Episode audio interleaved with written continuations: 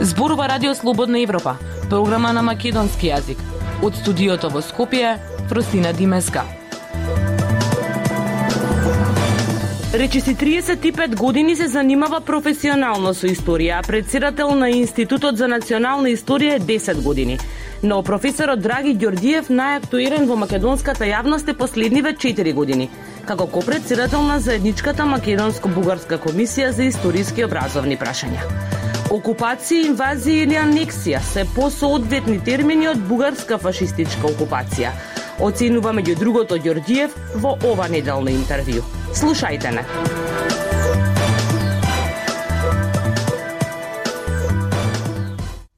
Професоре, земјава од има нов премиер. Сте се виделе како комисија со Димитар Ковачевски? Не, за сега како комисија не сме имале состанок со премиерот Ковачевски.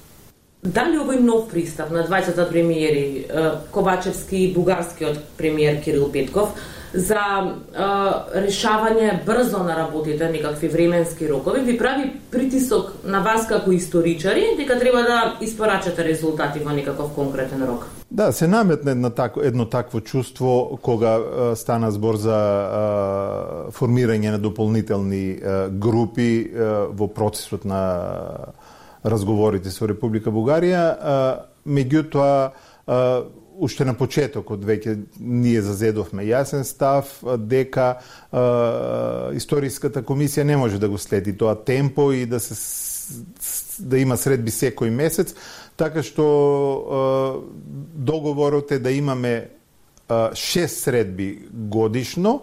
Е, минатата година беа договорени пет, значи додадовме уште една плюс средба во текот на оваа година со цел да придонесеме кон динамиката на процесот на разговори со Република Бугарија и тоа е оптималното наше работење бидејќи и меѓу средбите ние имаме многу работа во однос на согласување на ставови на записници и така натаму, така да нашите нашиот број на средби годишно на годишно ниво ќе биде 6 средби. Во мај чином ќе се навршат 4 години од кога е формирана заедничката комисија за историски и образовни прашања меѓу двете земји.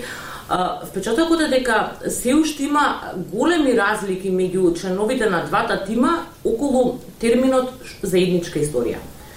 Што подразбираат бугарските колеги под заедничка историја дека до 1944 година овде живееле бугари кои што потоа станале македонци? Да, тој термин е употребен во договорот, во контекст на во членот каде што зборува за историската комисија и не е дефинирано што се подразбира под тој под таа синтагма да кажам заедничка историја.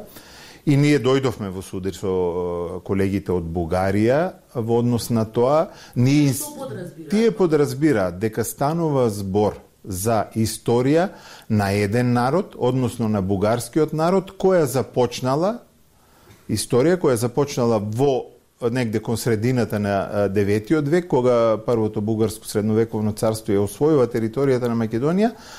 Според нив тога се случува трајна етничка хомогенизација меѓу прабугарското население кое е дојдено од исток и словенското население кое живее на овие простори, се создава бугарскиот народ и од тогаш до 44 година тоа е историја само на еден народ, односно на бугарскиот народ. Ние Македонскиот народ по 1944. Да, македонскиот народ според нели ставовите на најголем дел од бугарската историографија е создаден со како што они го наречуваат, инженерик на Комунистичка партија на Македонија, на Југославија, на Тито и на Коминтернат.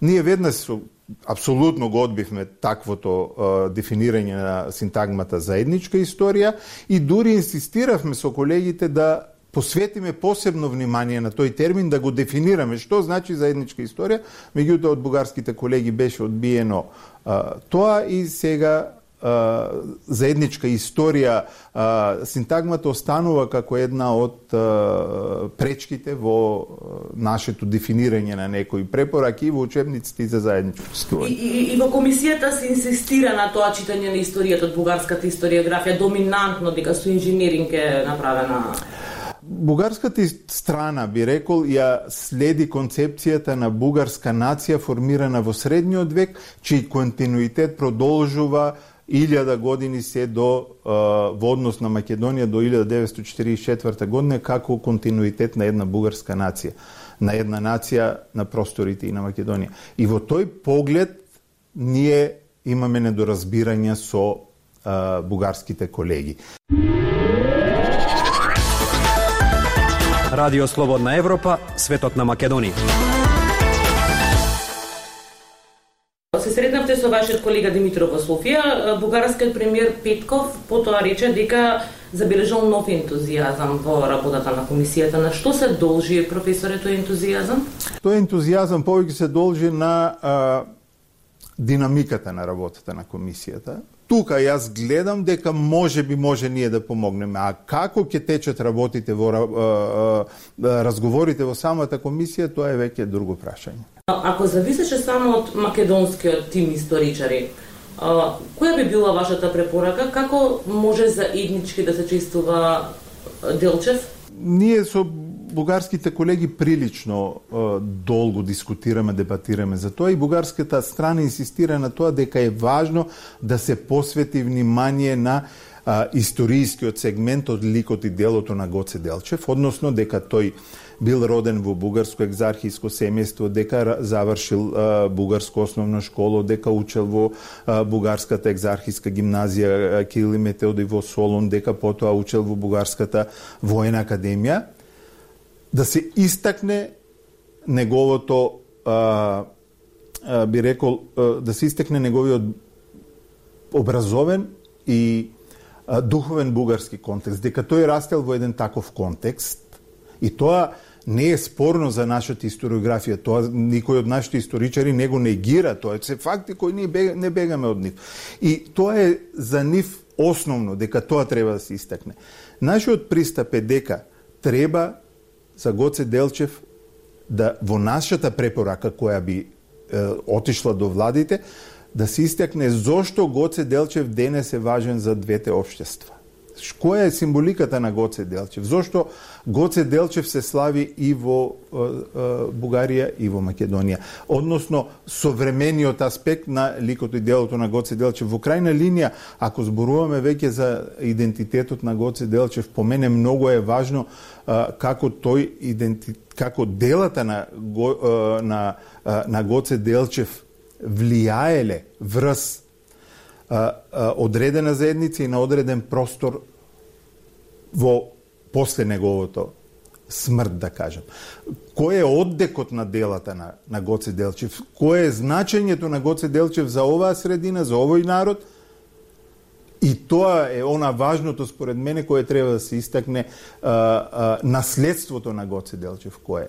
Во таков случај по мене а, а, институционалниот а, а, а, оној контекст во кој е создаден Гоце Делчев според мене е многу ирелевантен. Важно е а, она наследството на Гоце Делчев, оддекот на Гоце Делчев кој се случува на одреден простор и во одредена заедница. Друго прашање од новата историја која што често предизвикува несогласување бура во јавноста кога се спомени во двете е терминологијата околу бугарскиот окупатор во за време на Втората светска војна. Бугарски фашистички окупатор е она на што реагира бугарската јавност кога ќе се употреби такво нешто. Како според вас треба да се да се именува тој период? Кој е најсоодветна, најсоодветните термини кои се? Според мене Бугарија не може да ја дефинираме како класична фашистичка земја, како што може како што може да се каже за тогашна фашистичка Италија или нацистичка Германија.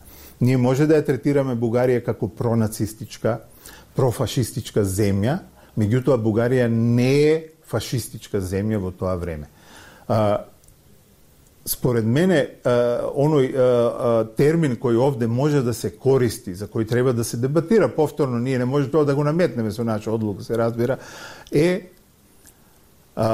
да се користат термините окупација, инвазија, па дури и не анексија, затоа што овие простори би биле анектирани кон Бугарија доколку победеле силите на Оската, меѓутоа не и терминот фашистичка бугарска, фашистичка окупација. Профашистичка, да. Меѓутоа фашистичка не. Бугарија не е фашистичка земја, според мене и според видувањата на голем број научници на Западот, тоа не е фашисти... нема фашистичко уредување во Бугарија. Постои таму еден авторитарен режим на цар Борис кој го речи суспендира работењето на бугарското собрание, меѓутоа Бугарија нема фашистичко уредување. Постојат натре условно да кажеме пак фашистички движења кои имаат фашистички идеи во себе.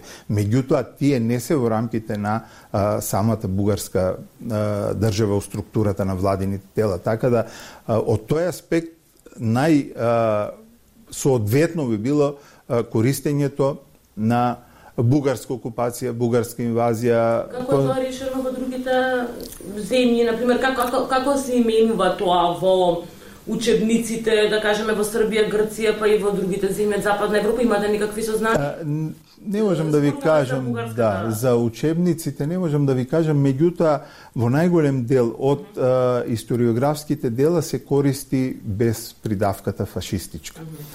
Тоа не е повторно не ја абстрахира Бугарија од неизиното учество во а, сите тие нели настани процеси што се случувале на територијата на Балканот како профашистичка, пронацистичка земја, соработник на Хитлерова Германија и на Италија на Мусолини, меѓутоа самото уредување на државата во тоа време не е, не е фашистичко, класично а, фашистичко редување, како што може да го кажеме тоа за Италија и за Германија. Дури некои а, автори на Запад, кога пишуваат за фашизмот меѓу двете светски војни, бидејќи од, уште од тогаш постојат некои профашистички организации во Бугарија, фашизмот во Бугарија го пишуваат со мала буква, фашизмот во Италија го пишуваат со голема буква и на тој начин прават некоја разлика во однос на таа идеологија на кое ниво е во тие две земји. Бугарското собрание 2019 донесе декларација која што во голем дел опфаќа историски прашања. Македонското собрание минатата година донесе декларација за некакви национални црвени линии. Во комисијата се водите од таа декларација која што усвоена во Македонското собрание ги почитувате тие линии кога разговарате со колегите од Бугарија? Декларациите кои беа освоени и во Бугарија 2019 година и во Македонското собрание за жал создадоа повеќе проблеми во нашата комисија затоа што доведоа до политизација на работата на, на комисијата. А, во поглед на црвените линии, црвени линии постојат во однос, а, постојат академски црвени линии во работата на комисијата. Ние точно знаеме до каде може да одиме во однос на она што е досега утврдено како некаква, условно да кажам историска вистина и каде треба да се сопре и околу што треба да се дебатира. Така да тие декларации за жал, за жал влијаат врз работата на комисијата. Не може да не влијаат бидејќи ние работиме во еден политички контекст. И ако политичарите на нас не ни дозволат простор на Балканот е за жал така. Мора да се создаде една политичка клима за да историографијата работи прилично слободно. Ако тоа не се создаде, тогаш нема да има ниту резултати од работата и на комисијата и воопшто на историографијата. А, така да тие а, а, декларации усвоени во двете собранија ја повеќе на штетија на работата на комисијата, не повеќе туку донесува голема штета на работата на комисијата, бидејќи создадо еден, една политичка атмосфера во која а, работата на комисијата стана а, се гледа само преку перспектива на политиката, колку и ние да се обидуваме да се тргнеме од а, политиката. Тоа беше се во оваа емисија на Радио Слободна Европа. Од студиото во Скопје со вас беа Дејан Валовски и Фростина Димеска. До слушање.